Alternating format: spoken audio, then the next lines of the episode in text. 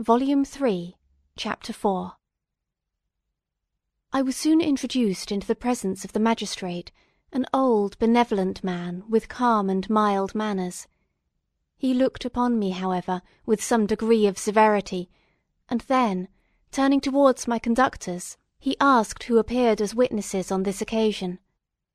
About half a dozen men came forward, and one being selected by the magistrate, he deposed that he had been out fishing the night before with his son and brother-in-law, Daniel Nugent, when, about ten o'clock, they observed a strong northerly blast rising, and they accordingly put in for port. It was a very dark night, as the moon had not yet risen. They did not land at the harbour, but, as they had been accustomed, at a creek about two miles below. He walked on first, carrying a part of the fishing tackle, and his companions followed him at some distance. As he was proceeding along the sands, he struck his foot against something, and fell at his length on the ground. His companions came up to assist him, and, by the light of their lantern, they found that he had fallen on the body of a man who was, to all appearance, dead. Their first supposition was that it was the corpse of some person who had been drowned, and was thrown on shore by the waves, but upon examination they found that the clothes were not wet, and even that the body was not then cold. They instantly carried it to the cottage of an old woman near the spot, and endeavoured, but in vain, to restore it to life. He appeared to be a handsome young man, about five and twenty years of age. He had apparently been strangled, for there was no sign of any violence, except the black mark of fingers on his neck. The first part of this deposition did not in the least interest me, but when the mark of the fingers was mentioned, I remembered the murder of my brother, and felt myself extremely agitated. My limbs trembled, and a mist came over my eyes, which obliged me to lean on a chair for support. The magistrate observed me with a keen eye, and of course drew an unfavourable augury from my manner. The son confirmed his father's account, but when Daniel Nugent was called, he swore positively that, just before the fall of his companion, he saw a boat, with a single man in it, at a short distance from the shore, and, as far as he could judge from the light of a few stars, it was the same boat in which I had just landed.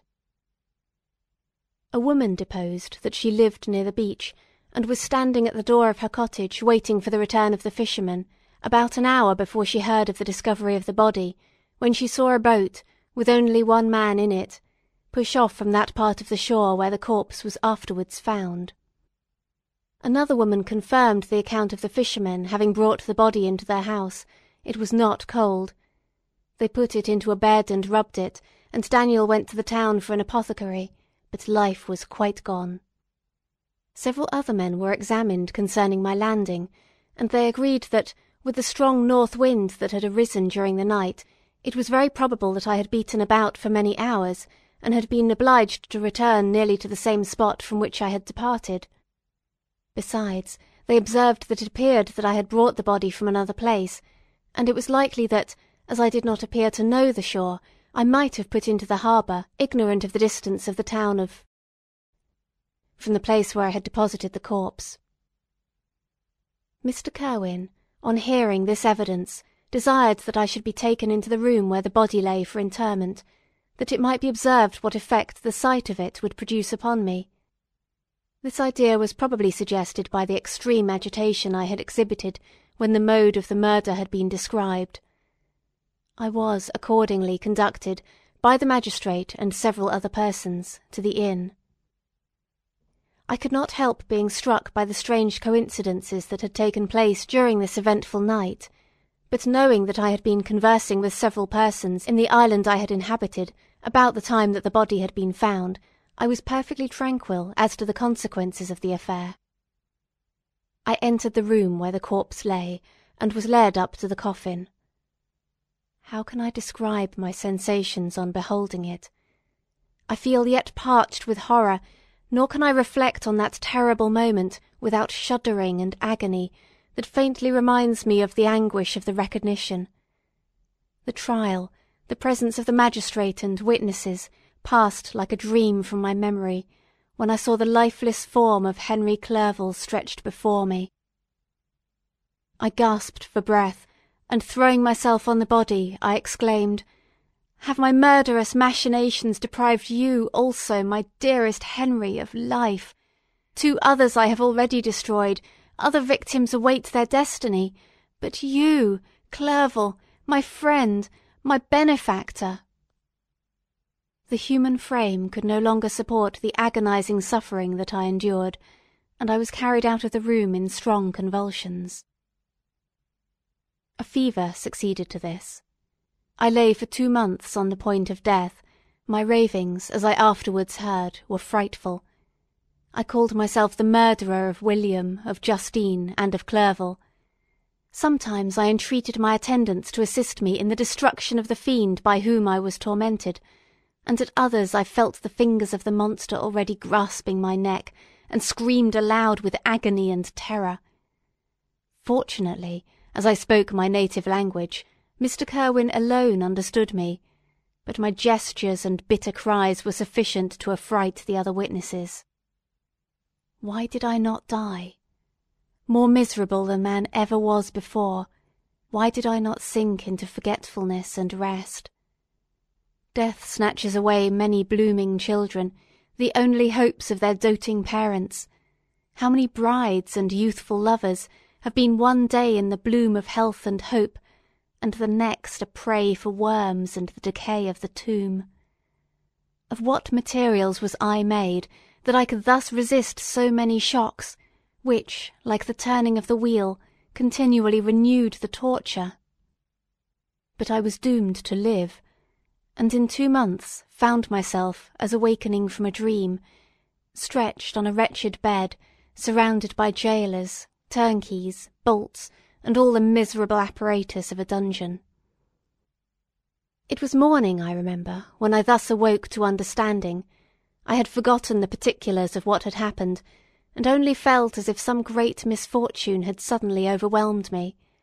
But when I looked around, and saw the barred windows, and the squalidness of the room in which I was, all flashed across my memory, and I groaned bitterly.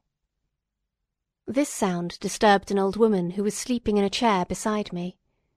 She was a hired nurse, the wife of one of the turnkeys, and her countenance expressed all those bad qualities which often characterize that class.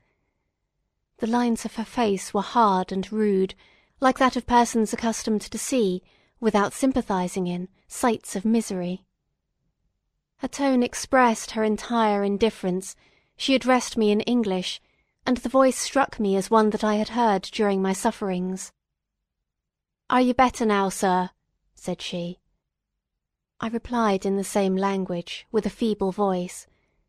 I believe I am, but if it all be true, if indeed I did not dream, I am sorry that I am still alive to feel this misery and horror. For that matter, replied the old woman, if you mean about the gentleman you murdered, I believe that it were better for you if you were dead, for I fancy it will go hard with you, but you will be hung when the next sessions come on. However, that's none of my business. I am sent to nurse you and get you well. I do my duty with a safe conscience. It were well if everybody did the same. I turned with loathing from the woman who could utter so unfeeling a speech to a person just saved, on the very edge of death, but I felt languid and unable to reflect on all that had passed. The whole series of my life appeared to me as a dream. I sometimes doubted if indeed it were all true, for it never presented itself to my mind with the force of reality. As the images that floated before me became more distinct, I grew feverish. A darkness pressed around me. No one was near me who soothed me with the gentle hand of love, no dear hand supported me. The physician came and prescribed medicines, and the old woman prepared them for me, but utter carelessness was visible in the first, and the expression of brutality was strongly marked in the visage of the second. Who could be interested in the fate of a murderer but the hangman who would gain his fee? These were my first reflections, but I soon learned that Mr. Kirwin had shown me extreme kindness. He had caused the best room in the prison to be prepared for me, Wretched indeed was the best, and it was he who had provided a physician and a nurse. It was true he seldom came to see me, for although he ardently desired to relieve the sufferings of every human creature, he did not wish to be present at the agonies and miserable ravings of a murderer. He came, therefore, sometimes, to see that I was not neglected, but his visits were short and at long intervals. One day, when I was gradually recovering, I was seated in a chair, my eyes half open, and my cheeks livid like those in death. I was overcome by gloom and misery, and often reflected I had better seek death than remain miserably pent up, only to be let loose in a world replete with wretchedness. At one time I considered whether I should not declare myself guilty, and suffer the penalty of the law, less innocent than poor Justine had been. Such were my thoughts when the door of my apartment was opened, and Mr. Kirwin entered. His countenance expressed sympathy and compassion. He drew a chair close to mine, and addressed me in French. "I fear that this place is very shocking to you. Can I do anything to make you more comfortable?" "I thank you, but all that you mention is nothing to me. On the whole earth there is no comfort which I am capable of receiving. I know that the sympathy of a stranger can be but of little relief to one borne down as you are by so strange a misfortune. But you will, I hope, soon quit this melancholy abode, for doubtless evidence can easily be brought to free you from the criminal charge. That is my least concern. I am, by a course of strange events, become the most miserable of mortals. Persecuted and tortured as I am and have been, can death be any evil to me? Nothing indeed could be more unfortunate and agonizing than the strange chances that have lately occurred. You were thrown, by some surprising accident, on this shore, renowned its hospitality, seized immediately, and charged with murder. The first sight that was presented to your eyes was the body of your friend, murdered in so unaccountable a manner, and placed, as it were, by some fiend across your path.